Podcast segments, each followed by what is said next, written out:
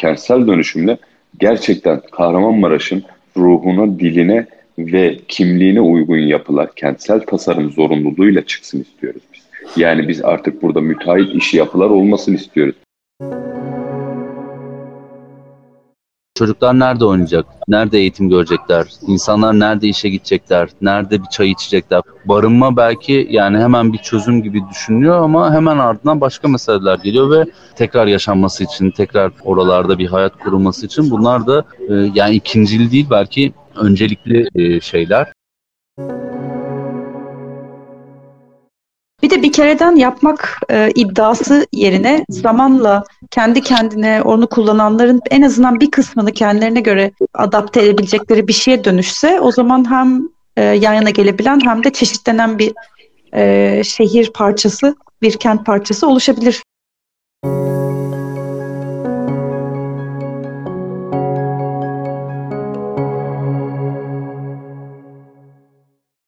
Merhaba. Bu bölümde konumuz mimarlık. 6 Şubat Kahramanmaraş depremlerinde yıkılan şehirler nasıl yeniden inşa ediliyor? Daha sağlıklı bir planlama yapılıyor mu? Yeni yaşam alanları, binalar onları kullanacak kişilerin ihtiyaçlarını karşılayacak mı? İbrahim Emre Gündoğdu ve Berna Göl, Herkes İçin Mimarlık Derneği'nin bölgedeki çalışmalarını, mimarlığa yaklaşımını ve fazlasını anlattı. Ama önce bölgenin bir yerlisine, Mimarlar Odası Kahramanmaraş Şubesi Başkanı Yunus Emre Kaçamaz'a kulak verelim. Şehirde yeniden yapılaşma ne yoğunlukta sürüyor?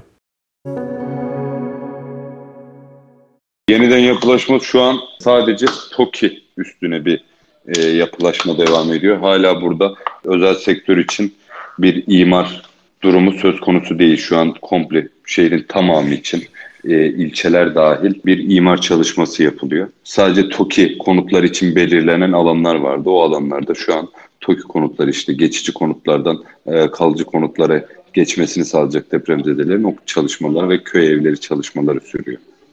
Siz imarla da ilgileniyor musunuz? Öyle şimdi şey biliyorsunuz bin yıllık bir afet yaşadı. Yani bin yılda bir yaşayacağı afet yaşadı. İşte bunun e, sebepleri, nedenleri, bir sürü neden ve se- sebepleri var. Biz burada şöyle bir e, yol izliyoruz. Yani bu yaşandı. Bundan ders çıkarıp artık şehri üst ölçekte 1 bölü 50 bin ölçekte bir 50 yıl sonrasına 30 yıl sonrasında yeniden planlanması gerektiğini savunuyoruz. Bu düşünceyle de şehri planlamasını yapacak işte ihale edilmiş belli firmalara. Bu firmalar da gerçekten Türkiye'nin en iyi mimarlık ofisleri aslında yani en iyi mimarlık ofisleri şu an Kahramanmaraş, Hatay, Adıyaman, Urfa üstüne bir çalışma yapılıyor. Biz de bu firmalara ortaklaşa en azından yani burada bir danışmanlık gibi yani şehri çünkü tanıyan insanlar burada yaşayan insanlar biz deriz. Biz de burada işte belli oluşumlarda işte Maraş'a sahip çık diye bir hareket oldu mesela onun içindeyiz başka STK'larla görüşüyoruz. Aynı zamanda İl Koordinasyon Kurulu sekreterliğini de yürütüyorum ben TMOV'a bağlı bütün odalarla görüşüyorum. Bu görüşmelerin sonucunda da planlamayı yapacak ofise doğru aktarımlar yapmaya çalışıyoruz. Yani yapılaşmanın, sanayileşmenin, işte sosyal alanların, ulaşım ağının bunların doğru yapılaşması gerektiğine dair telkinlerde bulunuyoruz, önerilerde bulunuyoruz. Devletin imar işlerini, bir şehrin imarını bir şirkete vermesi ya da birkaç şirkete vermesi sıradan normal bir şey mi? Yani normalde e, 1983 yılından sonra bu işleri belediyeler yapıyordu. Daha önce bunu devlet kendi bünyesinde bakanlık tarafından yapılıyordu şehrin imar planları. E, 83 yılından sonra belediyeler yapmaya başladı bu imar planlarını. İşte belediyelerin yaptığı imar planlarında da görüyoruz şu anki afetin boyutunu. Yani bu afetin boyutu 1990 yılından sonra yapılan binalarda görüldü. Şirketler haliyle kar odaklı. Onlar daha fazla güven veriyor mu size? Şöyle şirketler şu şekilde çalışıyor. Bizim belli kriterlerimiz vardı. Bir kere biz bir e, burada danışma kurulu istiyorduk. Yani burada aslında bir bilim kurulu istiyorduk. Nasıl bir bilim kurulu? Şehri planlayacak, bir ticari olarak planlayacak bir şehir plancı. Tarım, hayvancılık üstüne planlayacak bir şehir plancı. Ekonomik, sosyolojik, kültürel bu şekilde bir ekip istiyorduk. Böyle bir ekip oluşturdu şu an şehrin imarını yapan firma. Belli işte yaklaşık 20 tane hoca ve danışman firmadan danışmanlık alıyor. Biz de bunlardan biriyiz şehri özelinde biz de bunlara destek oluyoruz. Aslında şehri doğru planlama yani doğru birdir sonuç olarak. Yani şehrin nereye yapılaşması gerektiği, şehrin sanayi şehri olması gerektiği, kültürel aksların korunduğu, tarihi kültürel mirasların korunduğu, e, ulaşım ağının rahatladığı böyle bir plan istiyoruz. Bu ekipte şu an için bunları düşünerek bir planlama yapıyor. Bunları konuşarak en azından bir plan yapıyor. Ve çıkarttıkları şu an öneri planlarda en azından bizleri dikkate aldı. Biz bu ekibe şehri gezdirdik. Şehrin yanlış yapılarını, yıkılan yerlerini gezdirdik. Kendileri de iyi bir çalışma yapmışlar, bir data veri toplamışlar.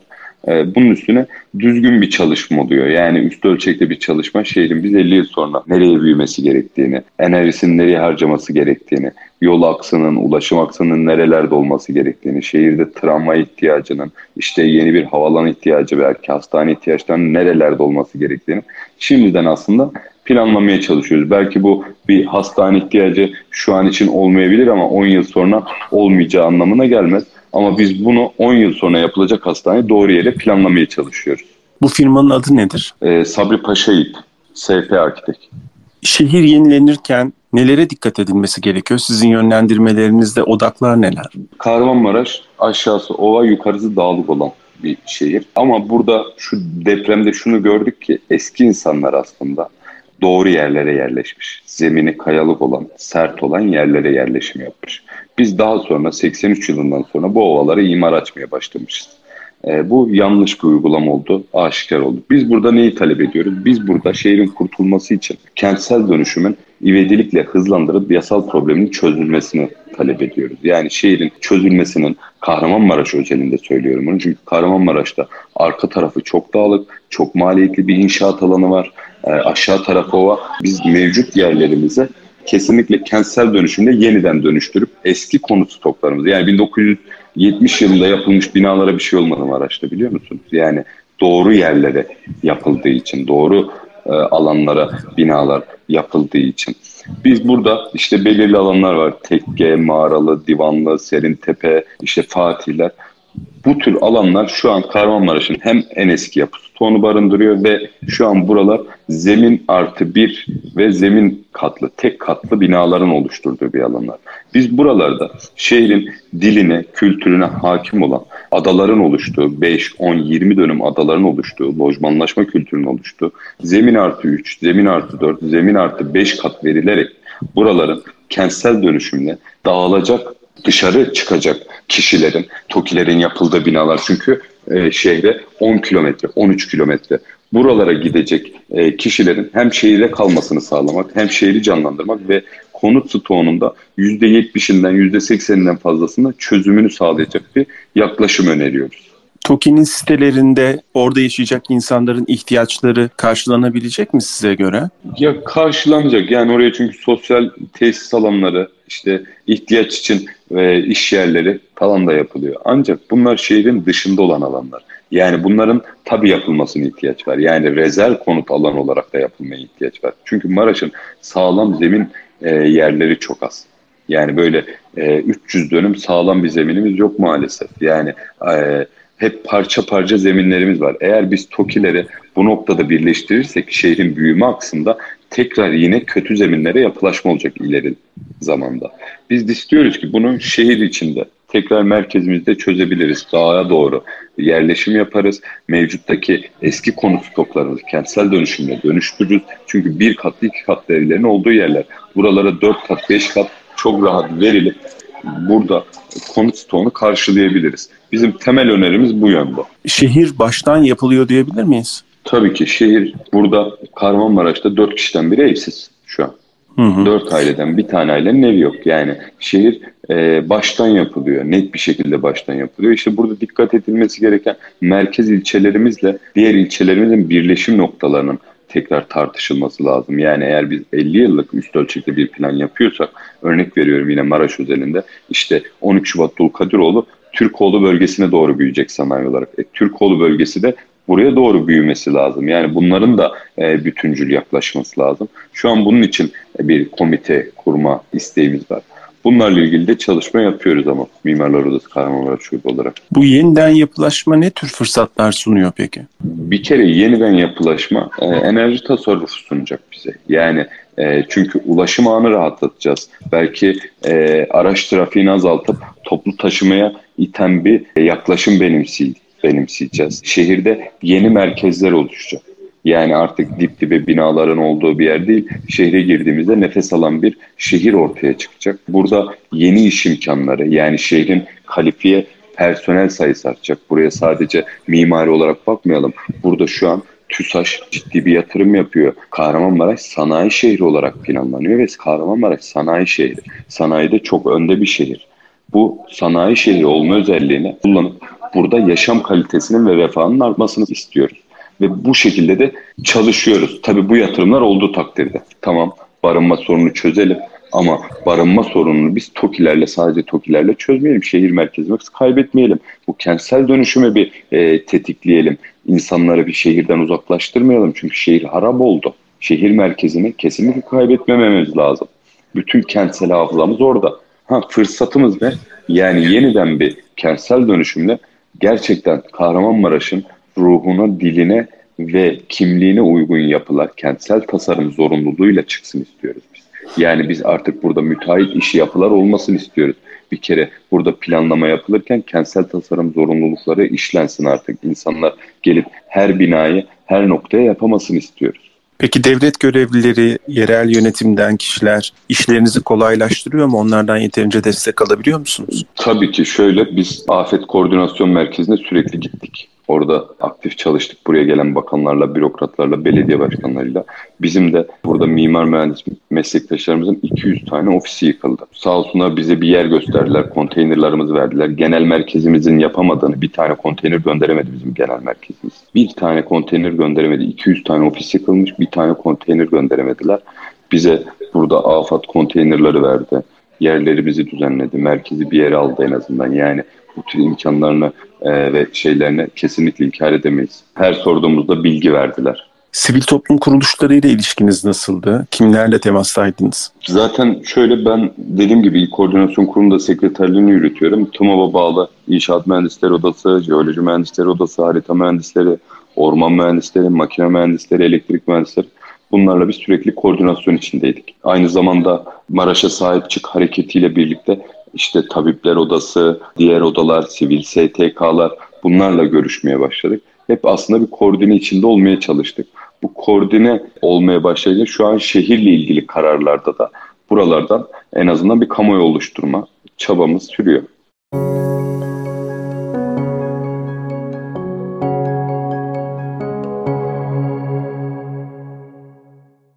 Herkes için Mimarlık Derneği'nden İbrahim Emre Gündoğdu ve Berna Göle önce deprem bölgesinde neler yaptıklarını sorduk. Yani depremin ikinci günü aslında ilk hafta yardım faaliyetleriyle ilgilenirken bir yandan da bazı arkadaşlar deprem sonrası ne yapabiliriz? İlk etapta toprakla çalışan, toprakla yapılacak afet konutları olabilir ya da sosyal alanlar olabilir. Bunların ihtimallerini çalışan arkadaşlar hemen toplanıp çalışmaya başlamışlardı.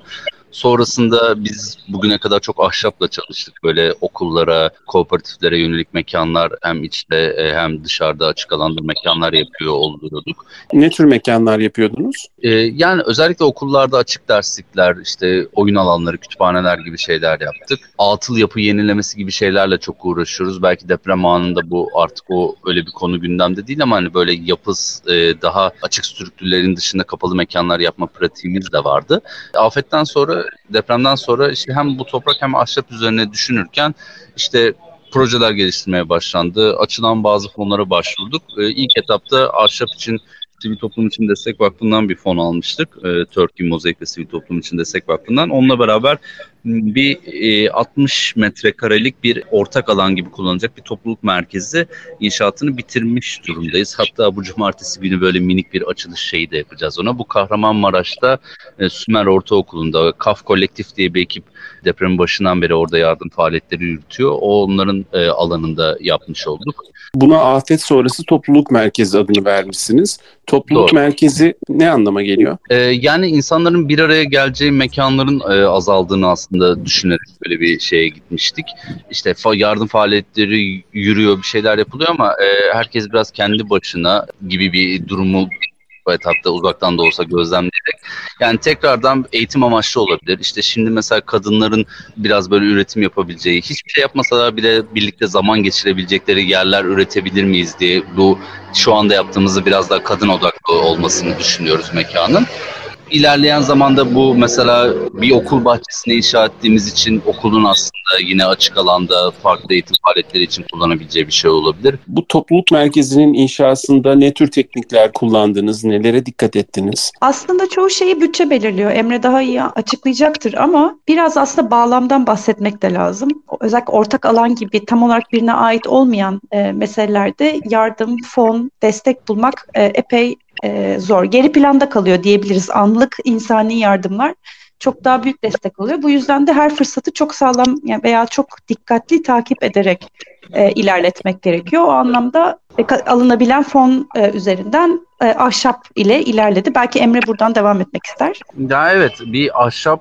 biraz bizim yapmayı da bildiğimiz bir de yaparken aslında insanların dahiliyetini de önemliyoruz. Ahşabı böyle çok teknik olarak bilmese bile insanların kolayca gösterilmesi, bir işin gerçekten tutabilmesi e, mümkün oluyor. O yüzden de biraz ahşap fazla e, ilerleyelim dedik. E, zaten afet sonrası bu bitince fazla da e, hızlı üretilebilir, daha sağlıklı olabilir. Tek katlı bir yapıdan bahsediyoruz. Çok büyük de bir şeyden bahsetmiyoruz e, öyle imkanları var diye e, ahşaba yöneldik. Ahşap dışında sadece temellerimiz için mesela bulunan lastiklerin içine küçük böyle papuç beton papuçlar döküp onun üstüne bir çelik ayakla yükselmek gibi bir teknik bir detay bir işimiz oldu. Bunlarda da işte biraz buluntu malzeme e, gibi şeyler e, söz konusu oldu. Yani aslında hani teknik olarak ne kullandık? Ahşap kullandık. E, rahatça bunu kesip biçme imkanı verdiği için bazı noktalarda bizden biraz daha bu işi iyi bilen arkadaşlarımızın neredeyse böyle marangozluk ya da mühendislik anlamında detaylarla insanları yönlendirmesiyle beraber e, inşa etmiş olduk. Bir de süper kerpiç denilen malzemeyi kullanmayı planladığınız bir işiniz var değil mi? O nedir? Evet, bu demin bahsettiğim biz bu ahşabı e, yaparken neredeyse ahşaptan da önce aslında toprak gündeme geldi. Bunu biraz böyle toprak, doğal yapılarla çalışan arkadaşlarımız var bugün bugüne kadar. Bizler de böyle toprak sıva yapmak gibi basit denemelerimiz olmuştu. Ama bunun afet sonrası durumlarda hakikaten bir e, imkan olabileceği, yine işte yer yerinden kolayca bulabiliyorsunuz. İnsanlar buna kolayca dahil olabiliyor. E, ve tabii ki biraz da şey yani toprak, kerpiç, aslında algısı deprem açısından hani çok kötü e, özellikle Türkiye'de bir malzeme gibi. Ama bunu yeni tekniklerle düzgün bir şekilde yaptığınızda aslında tam tersi durumlar da var. Süper kerpiçin olayı da e, Nadar Halili diye e, İran asıllı Kaliforniya'da e, belli bir hayatının uzun bir dönemini geçirmiş bir mimarın aslında bulduğu bir teknik biraz böyle Harran evlerine benziyor diyebilirim. Bir kubbe yapısı inşa ediyorsunuz. Çuvallara doldurarak ört bekliyorlar bu, bu tekniğe. Onlarla yükseldiğiniz ve kubbeyi uçtan kapattığınız bir e, şey sistem. Toprak yapılarda genelde böyle işte bir karkasa yani taşıyıcı bir şeylere ihtiyacınız var. Ee, onun içerisine duvarlarını genellikle toprak dolduruyorsunuz diyeyim çok kabaca diyorum. Ama bu süper kerpiçte başka bir taşıyıcı bir elemana e, ihtiyaç olmadan o formu sayesinde ve sadece toprağı kullanmak değil biraz toprağı test etmeniz lazım. Testinize göre buna nasıl bir malzeme katkısı biraz böyle %5 %6 oranlarında bağlayıcı agrega malzeme katıyorsunuz. Çuvalları tellerle bağlıyorsunuz. Ee, böyle bir yöntem izlemeniz lazım. Biz aslında Maraş'a ilk gitmemiz e, bunu bir TÜBİTAK şeyi vardı. Yine acil e, çağrısı vardı. Oraya başvurmuştuk. Oradan bir konu olarak hızlıca sahaya gitmiştik. Biz aslında e, sahadan 5 farklı yerden toprak numuneleri aldık. Bu İstanbul Teknik Üniversitesi'de İzmir Yüksek Teknoloji'de hala e, işte Mart'ın başından beri bazı testlerden geçiyor. Bu testlerden sonra biraz bu bahsettiğim karışımların ne olacağına karar vereceğiz. Süper kerpiçle ne inşa edeceksiniz? Gene topluluk merkezi gibi kullanılsın e, istiyoruz. Bu arada şöyle bir şey var çok topluluk merkezi dedik. Aslında toprakta da ahşapta da ilk böyle hemen bir barınma meselesi tabii ki depremden sonra aklımıza gelen oydu.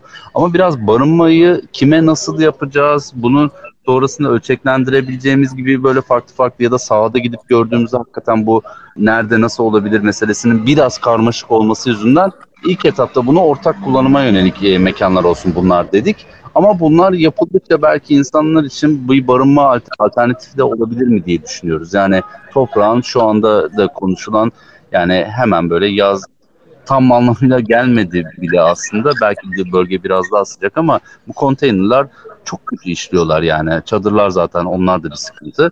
Bu e, yalıtım anlamında çok daha bir e, avantajı var. Evet konteyner kadar hızlı bir şey değil. Ya da ahşabı da düzgün bir şekilde inşa ettiğinizde havalandırması şeyi e, daha iyi bir alternatif olabiliyor.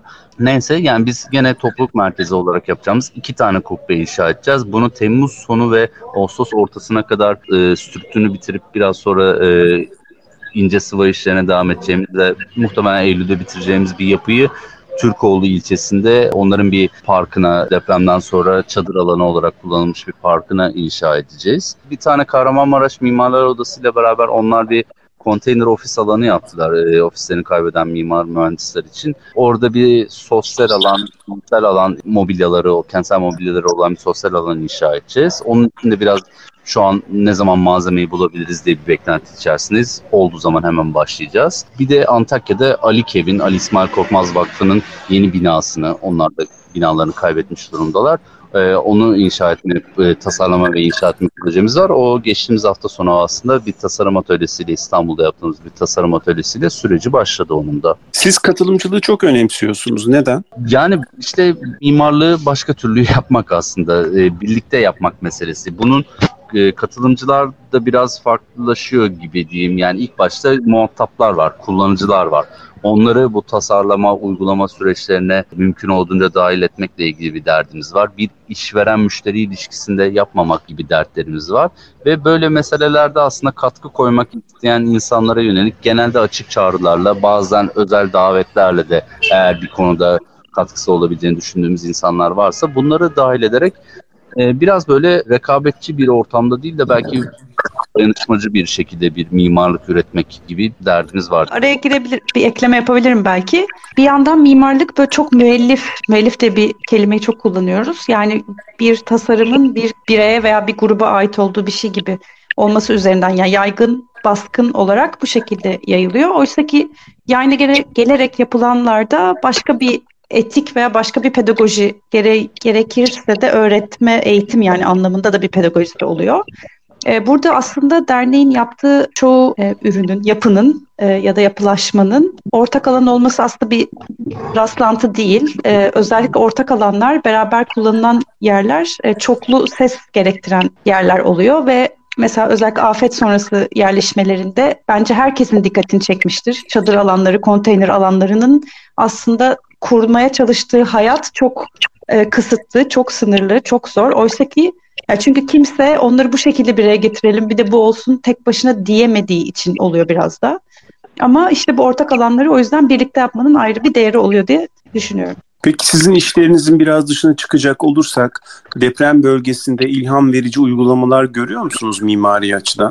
Yani şimdilik pek gördüğümü söyleyemeyeceğim ama e, gerçi görmedim ama bir yuva e, derneğinin Hatay'da yaptığı ve böyle sürdürülebilirliğini e, önemsediği işte su toplamasından enerjisine bir yapı bir birim inşa ettiğini duyduk fotoğraflarını gördük. Kendim görmedim ama yapıyı. Öyle bir örnek aklıma geliyor. Çok da fazla ama e, şimdilik görmedim. Yani şimdilik böyle çok yoğun bir şekilde işte bu konteyner alanlarıyla, çadır alanlarıyla karşılaştığımız için daha böyle yapısal durumlar biraz da azlar. Hem bazı ekipler yine toprak üstüne e, bazı ekipler haberleşmemiz de oldu ama şimdilik bir şey ürün çıktı mı ortaya yani bir yapı çıktı mı ortaya o kadar hakim de değilim açıkçası. Özellikle çözüm odaklı yani grupların hani e, sivil toplum e, kuruluşları tabii onların yaptığı işler daha görünür oluyor fakat özellikle Maraş'tayken e, çok sayıda birey olarak, bireysel olarak kendi kaynaklarını kullanarak e, ulaşılamayan yerlere çok fazla ulaşmaya çalışan kişi gördük. Bunlar aynı işte aynı zamanda mekansal olarak da çeşitli kişileri ve yerleri desteklemeye çalışıyorlardı. Tabii asla bunun, yani bir imaj bir şey görmedik ama e, böyle bir ağların olduğuna tanık olmuş olduk. Siz aslında küçük çaplı işler yapıyorsunuz. Çok büyük mekanlar, alanlar tasarlamıyorsunuz. Ama katılımcı bir perspektifle titizlikle çalışıyorsunuz. Bu tercihinizin nedeni nedir? Yani büyük şeylere girmek tabii yani e, bilmiyorum onun için uğraşsak belki olur muydu ama 11 yıldır da yani çok büyük bütçeler ve daha büyük işler yapabilecek kapasitemiz bir şekilde olmadı. Biraz böyle mimarlık alanının içerisinde de bu katılımcılık meselesi tartışılırken çok büyük işlere girdiğiniz zaman çok da işlemiyor mu acaba gibi genel böyle bir kanı var gibi. Çok da katıldığımı söyleyemeyeceğim. İşin yani o zaman da başka şekilde yöntemler, süreçler devreye gidebilir.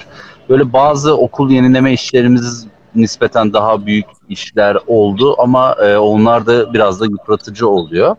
Yani çok tercih gibi demeyeceğim ama şunu diyebilirim bu büyüklük küçüklük meselesinde de biraz sanki biz hani başka türlü bir şey yapmaya çalışıyoruz derken mimarlığı başka şekilde yapmaya çalışıyoruz derken biraz böyle daha büyük işler yapalım mimarlığına karşı da biraz belki bir her zaman dile getirmesek de ona karşı olmakla ilgili bir durumlar da olabilir. Yani bu büyük işleri bazen de gerçekten anlamlı bulmuyor olabiliriz. Biraz kişisel konuştum, biraz dernek adına konuştum diyebilirim. Ee, yani aslında kişilerin devre ha, çok hızlı süre anlamında bir kısıt var tabii elbette. Yani bu bir dernek olduğu için kişi hani çoğunlukla zaman ayırma ya yani başka kısıtlar da var ve bütçeler. Bu, bu yüzden de belki de çoğu projede böyle bir şey denk gelmiştir. Ama aynı zamanda çok büyük olan e, projeler e, müelliflerin ya da pardon mal sahibi ya da yatırımcının ya da kimin olacaksa o kişilerin aslında daha fazla söz söylemek istediği meseleler oluyor. Yani e, kendi kontrollerini orada bırakmak istemeyebiliyor e, onu kullanacak kişi. Oysa ki evet ya belki de büyür bu arada Emre'nin dediği gibi yani umarım öyle olur. Hani daha büyük şeylerde yapılması ve onun sayesinde yeni yapma modelleri denenmesi de çok da güzel olur. Deprem bölgesindeki işleriniz böyle aylara mı uzanacak yoksa yıllara mı? Yani başlangıçta yıllara diye düşünüyorduk. Hala öyle düşünüyoruz. E, bu bahsettiğim işler dışında da aslında bazı şeyler var. Mesela Köy Okulları Değişim Ağı Koda e, Derneği'nin bir e, öğrendiği bir talep olmuştu. Köy öğretmenlerine yönelik lojman ihtiyacından. Yani barınma mekanları çok azaldığı için ve birçok öğretmen geri döndüğü ve yeni öğretmenler geleceği noktada aslında bu yeni gelenler için yerler lazım diye bir e, şey iletmişlerdi. Çok ufak tefek acaba ne olabilir diye biraz böyle yaklaşık bütçeler üstünden bir şeyler söylemeye çalıştık. Bilmiyorum belki ileride öyle bir tema olur. Ya da sahada böyle işte çadır alanlarına yönelik, konteyner alanlarına yönelik şeyler duyuyoruz. Yine başka bir ekip Urban Coop'la aslında onların Gaziantep İslahiye'de yapmak istedikleri bir topluluk alanı projesi var biraz böyle onun e, fon arayışındalar. Öyle şeyler olabilir. Yani biz hani çok fazla yapılacak iş var alanı gördüğümüz. Yani her yeri de göremedik açıkçası. Maraş'ın ilçelerini gezdik. Antakya'yı biliyoruz. Adıyaman'a, Malatya'ya gitme niyetlerimiz vardı. Şimdilik gidemedik. Çok uzun sürecek. Yani çok ağır bir yıkım var. Biraz da böyle hızlıca da belki tabii ülke gündemi seçimle falan değişmiş. Şimdi belki seçim sonrası yine e, oralara bir yoğunluk olur mu bilmiyorum ama böyle hızlıca da unutuldu mu diye bir kaygılar var e, diyeyim ilk başta. Yani Antakya özellikle çok zor mesela yani Maraş merkez biraz böyle bir şeyler var gibi o yüzden daha hızlı aksiyon alınabiliyor ama çoğu yerde çok küçük ilçelerde tamamen yok olmuş ilçeler var ne olacak bunlar çok e, sıkıntılı durumlar var. O yüzden galiba yıllara yayılacak diyebilirim. Aslında on binlerce, yüz binlerce kişiye barınacak yer gerekecek, gerekiyor. Sosyal alanlar hani bu konteynerler bir şeyler ilk çözümler yapılsa bile e sonra ne olacak? Yani bu insanlar yani çocuklar nerede oynayacak? Nerede eğitim, e, eğitim görecekler? İnsanlar nerede işe gidecekler? Nerede bir çay içecekler falan bir sürü bir sürü şey katlanıyor barınma belki yani hemen bir çözüm gibi düşünülüyor ama hemen ardından başka meseleler geliyor ve tekrar yaşanması için, tekrar oralarda bir hayat kurulması için bunlar da yani ikincil değil belki öncelikli e, şeyler e, düşünülmesi gereken durumlar ve zor yani iş çok zor. Merkezi otoriteler ya da yerel otoriteler nasıl yaklaşmalı mimarlıkla ilgili ihtiyaçlara? Berna. Bu biraz zor bir soru. Ee, aslında e, maalesef yani bu çok politik, yani çok siyasi bir e, konu bu bence. E, ama aslında bir kere zaten mimarlardan önce e, planlamacılar, şehir e, planlamacılarının aslında meselesi olan şey biraz e, kavram karmaşasına mimarlara e, veriliyor. Mimarların işi müteahhitlere veriliyor gibi böyle bir zincirleme e, çıkmazdayız bence. Ee, tabii ki daha katılımcı süreçler olabilir. Yani bu çok gerekli. Bir de Emre de bana katılacaktır zannedersem. Çeşitliliği kurabilmek aslında birincil kaygı olmalı. Yani çoğumuz biliyoruz ölçeği büyüyen, bir kere de yapılan gerek işte bir toplu konut projesi olsun, gerek bir lüks site olsun fark etmez. Bu tür yerlerde bir kereden hepsi yapıldığında aslında bir zihinden çıkan bir işin ya da bir ofisten, bir aktörden çıkan hiçbir mekan tatmin edici olmuyor uzun vadede. Dolayısıyla bir aktör, birkaç aktör değil de başka bir e, zemin kurulsa herhalde her şeyden daha iyi cevap verecektir ihtiyaçlara. Evet ben de yani katılıyorum ve yani biraz böyle siz de belki görmüşsünüzdür. Görülüyor bazı ofisler. Ofisler tek başlarına da değiller. Güya başka ofisler ya da işte bilim insanlarıyla beraber belki yerelde top kurumlarla danışarak bir şeyler üretiyor gibiler ama yani iş hemen böyle bir görseller yine e, saçılmaya başladı ona dönüyor. Ya belki ilk etapta bu sadece ilk etaplık bir şey gibi ama ben han dediğine katılıyorum ve bunların böyle işlemeyeceğini de düşünüyorum. Yani şehircilik anlamında belki genel kararlara bir şeylere ihtiyacımız var. Yani özellikle bu yapılaşma alanları ile ilgili, imarlarla ilgili çok ciddi değişikliklere de ihtiyaç var. Ee, ama yani sonra bunun evet yani bu ihtiyaçları, kararları kimler alıyor? Bunlar illaki bir mimarlık ofisine gidecek ve onların e, yapacağı görsellerle mi işler devam edecek? Yani sahada bir sahada bunun pek gerçekliği olacağını düşünmüyorum. Yani bazı şeyler belki ilk etapta uygulanmaya çalışılacak, belki bazı göz önünde olan noktalarda bir şeyler yapılmaya çalışacak ama kentlerin doğası böyle değil, böyle gelişmeyecekler. Şey de demiyorum yani kentlerin geçmiş doğası da yanlış bir sürü şey üstüne gelişmiş. Yani doğal olmayan da belki kararlar, durumlar üstüne gelişmiş çok fazla şey var. Onların da değişmesi lazım yani biraz zaman alacağını düşünmek lazım. Çok aceleci davranmamak lazım. Acil ihtiyaçlar tabii ki giderilmeli ama kentin tekrar yapılanması anlamında aceleci olduğunda olmayacak yani. Bir de bir kereden yapmak e, iddiası yerine zamanla kendi kendine onu kullananların en azından bir kısmını kendilerine göre adapte edebilecekleri bir şeye dönüşse o zaman hem e, yan yana gelebilen hem de çeşitlenen bir e, şehir parçası bir kent parçası oluşabilir, kent parçaları oluşabilir diye e, düşünüyorum. Yani dünyada aslında bunların örneği var. Bu literatür dolu. Yani çok çok hızlıca uygulanabilecek şeyler var ama işte e, bilmiyorum nasıl sesler duyurulacak. Yani şu anda tabii ki e, şey yani dışarıdan çok desteğe ihtiyaç var. Mesela demin de biraz dedim Maraş biraz böyle e, bazı şeyleri kaldığı için kendini ayakta tutabiliyor ama mesela Antakya'da o durum çok zor. Antakya'nın hala bir geçici faza geçme durumu yok gibiydi. Ben en son Nisan ayında gördüm. Bir süredir de gidemedim. Ee, yani biraz böyle dışarıdan bir şey lazım. Hani mimarlık anlamında da belki dışarıdan bazı destekler, kararlar bir şeyler olabilir ama bunlar çok devam edemez yani. Bir yerden yani hemen bir iki yılda, üç yılda da e, bitecek şeyler değil. On yıllar belki e, alacaktır.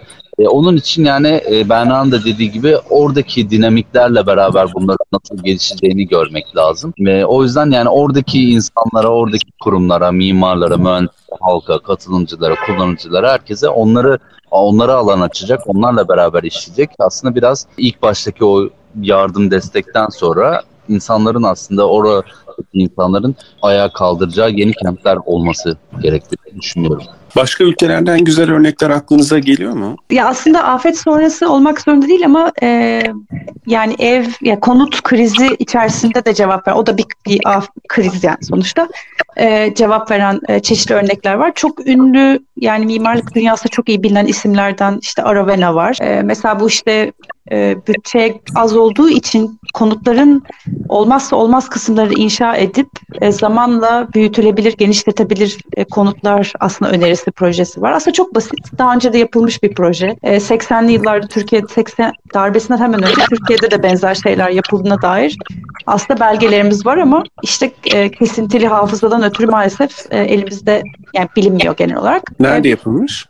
Bu proje e, İstanbul'da o zaman daha yeni yapılaşmalar oldu. Yani benim elimde burada belgeler yok. E, insanların beyanlarından ancak e, söyleyebiliyorum ama İstanbul'un daha yeni şey yapılan gece kondudan işçi konutlarına dönmek üzere olan e, belki örnek mahallesinin dışı e, biraz daha Kayış Dağı'na gelmeden olan İçerenköy'ün ilerisi diyelim. E, bu tür bölgelerde denenmeye başlanıp sonra kesil, kesiliyor. Yani asla tam şeye geçemiyor. Ama eminim başka örneklerde vardır maalesef dediğim gibi hafızamız, belgelerimiz yok. Ee, başka çeşitlilik yaratan afet sonrası aslında bir, aslında afet o da afet tam afet sonrası değil. Ted Cruz diye bir isim var. O çok bilinir. Kaliforniya, Güney Kaliforniya'da çalışan bir mimar. Çalıştığı şantiyelerdeki artık malzemelerle sınırı geçip Meksika'nın kuzeyinde Tijuana'da e, çok hızlı konutlar inşa ediyor aslında elinde olanlarla. Barınaklar, konutlar inşa ediyor orada evsiz kişilere ya da kötü durumdaki kişilere. Ama afet sonrasında tabii o örnekleri Emre daha iyi biliyor. Pası bana attı ama. Yok ben ama mesela geçen şöyle bir şey oldu. Bir Maraşlı bir e, mimar ama şu anda Japonya'da yüksek lisans yapıyor. Bize ulaştı. O hem Japonya'da böyle meseleler nasıl oluyor diye bizim yaptığımız gibi topluluk merkezleri ya da e, böyle barınma alanlarına yönelik işlerinden örnekler gösterdiği bir şey vardı. Ama mesela orada hemen böyle dikkatimizi çeken belki biz işte şimdi böyle maksimum kapasiteyi zorlayarak ip gibi dizerek konteynerları böyle 2000-3000 konteynerlık yerler yapmaya çalışıyoruz ama orada hep böyle 40 konteyner 50 konteyner maksimum konteynerler de modifiye ediliyor. Ee, küçük küçük alanlarda belki çok aralarını da açmadan ama hani ayrıştırarak biraz bir yığın halinde kurmadan bunların ortak alanlarını düşünerek konteyner etrafındaki yani konteyner ya da geçici e, yaşam birimi diyelim bunlara. Onların e, etrafında insanların böyle yani hem bir araya gelme hem de özel mekan ihtiyaçları var. Bu mahremiyet, özel alan konusunda da çok büyük sıkıntılar e, var. Çadırlarda da vardı.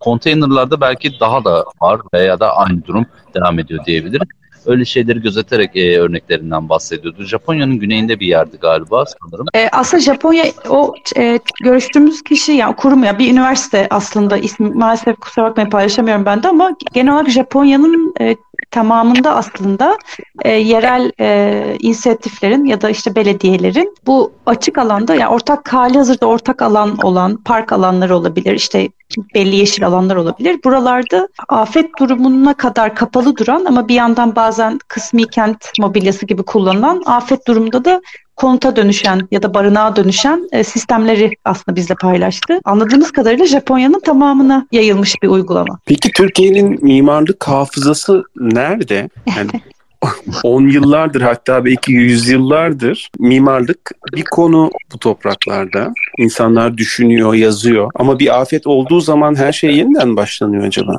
E, bence burada yani şöyle bir hata yapılıyor. Mimarlık alanı dışından e, kişiler bu bu kişilerin arasına aslında sosyal bilimciler de bazen dahil.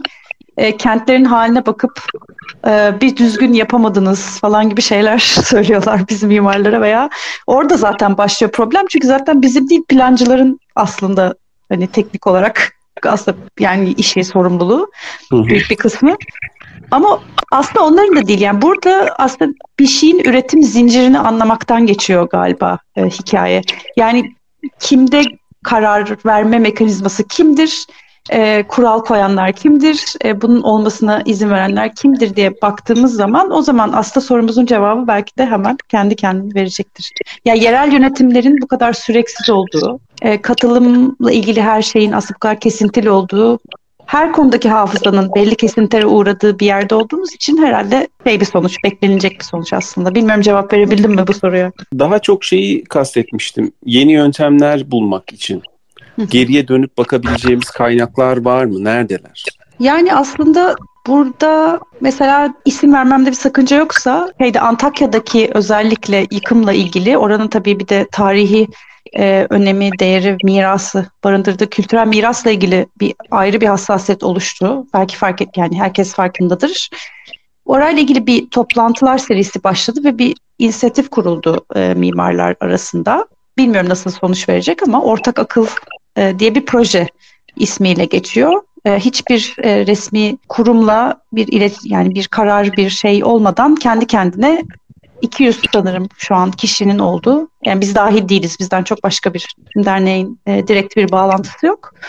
E, bu ortak akıl projesi mesela sürece başladığında İlhan Tekeli gibi mesela bir yani Türkiye'nin e, planlama tarihini aslında en önemli e, yaşayan ismini herhalde. Hem e, tarihsel bilgi hem de hafıza anlamında hem de demokrasi veya demokratik uygulamalar veya ço- çoğulcu uygulamalarla ilgili de her şeyi belgelemiş yani çok fazla birikim olan birisi olarak.